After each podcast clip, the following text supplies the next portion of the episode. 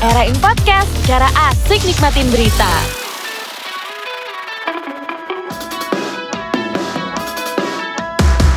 Balik lagi di Era In Podcast dengan 5 berita pilihan siang ini.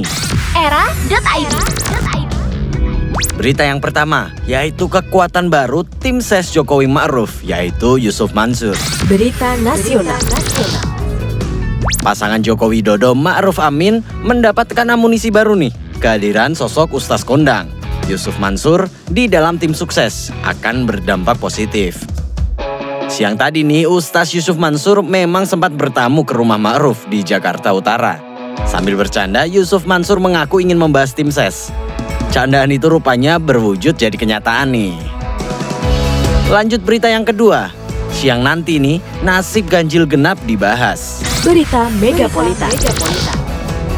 Penerapan kebijakan nomor polisi ganjil genap dibikin untuk menyambut Asian Games 2018.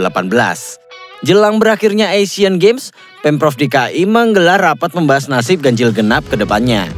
Pemprov DKI Jakarta akan membahas rencana kelanjutan pemberlakuan aturan plat nomor kendaraan ganjil genap usai pelaksanaan Asian Games 2018.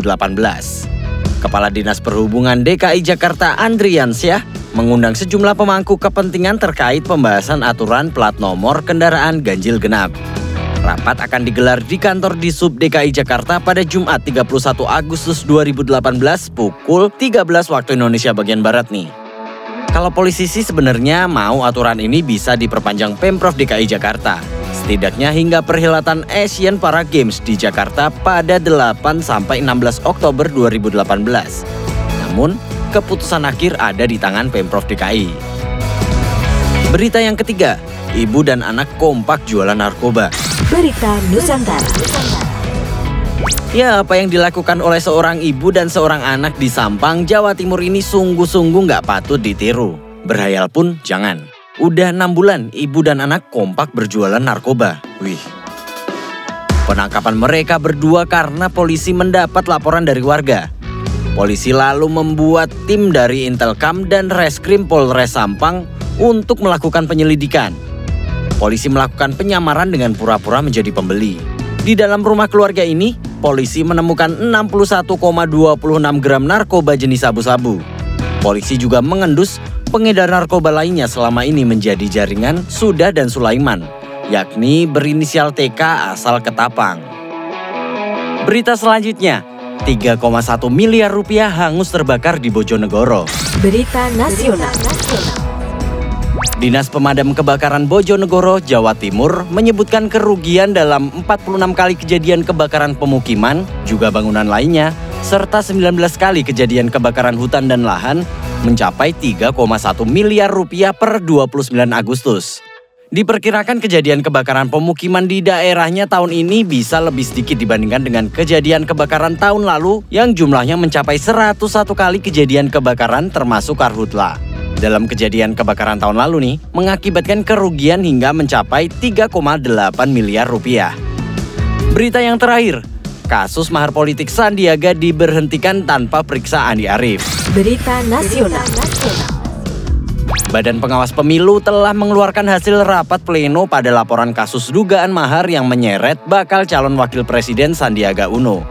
Dalam putusannya nih, Bawaslu menyatakan dugaan tersebut nggak dapat dibuktikan secara hukum.